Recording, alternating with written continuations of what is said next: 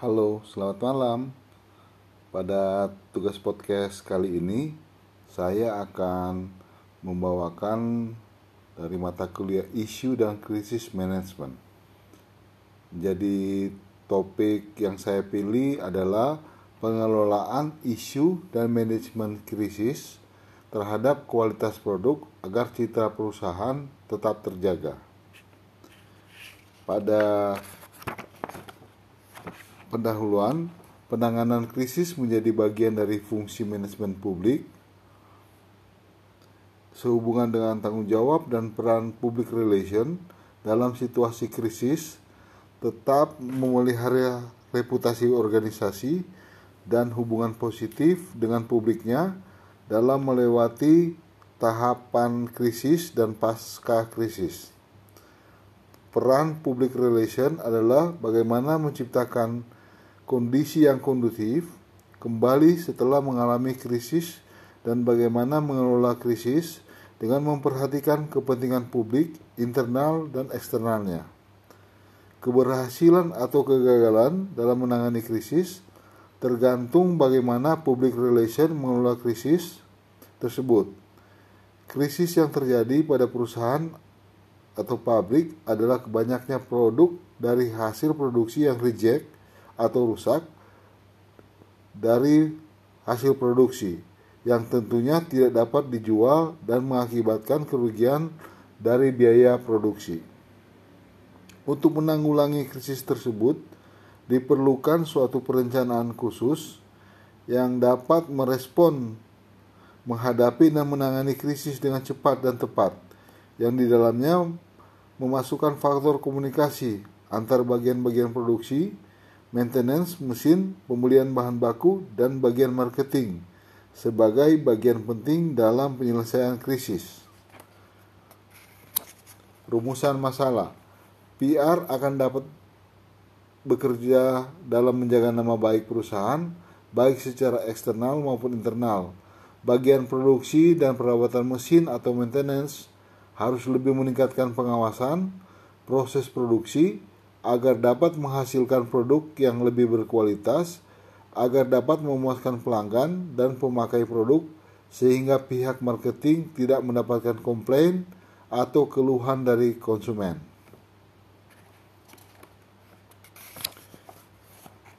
Landasan teori Komunikasi adalah suatu proses pertukaran pesan atau interaksi dari komunikator kepada orang lain sebagai komunikan dengan media tertentu yang dapat menimbulkan efek tertentu juga.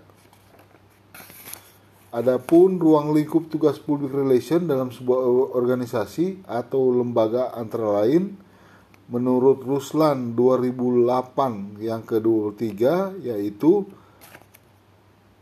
membina hubungan ke dalam publik internal, membina hubungan keluar atau publik eksternal.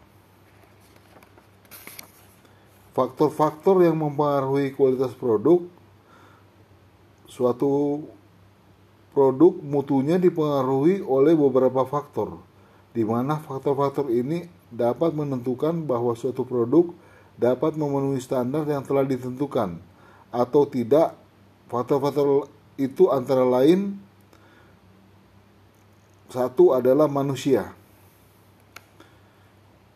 kedua adalah manajemen Ketiga adalah uang. Keempat adalah bahan baku.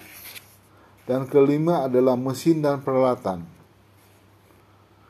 Dalam proses produksi sebuah produk, peran seorang quality control sangatlah penting. Langkah paling awal adalah dengan melakukan pemeriksaan pre-produksi. Selain bahan baku, pihak quality control juga wajib melakukan pengontrolan dan pengawasan terhadap mesin-mesin yang, dijadikan alat dalam memproduksi suatu produk tertentu. Selain hal teknis, diperlukan peran PR dan marketing dalam memasarkan dan mempublikasikan produk dan perusahaan agar hal produk dan reputasi perusahaan tetap terjaga di mata konsumen. Peningkatan kualitas produk agar memenuhi kepuasan pelanggan dan PR dapat menjaga promosi dan reputasi perusahaan agar tetap baik.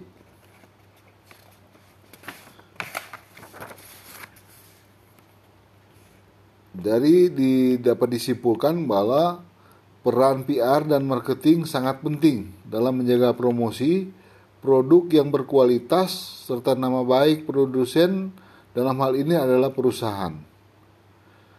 Kedua, penanganan krisis dapat lebih maksimal lagi. Jadi uh, as soon as possible, krisis segera dikelola dengan baik sehingga krisis dapat segera teratasi. Tidak mungkin meluas dan mencegah timbulnya krisis baru. Action plan dapat lebih dikembangkan lagi misalnya dengan membuat standard operation procedure atau SOP.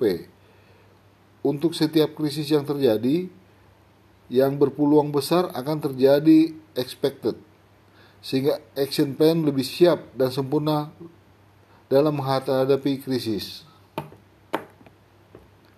perusahaan harus selalu menjaga dan mempertahankan kualitas produknya agar produk yang dihasilkan mampu bersaing dengan produk lain yang sejenis.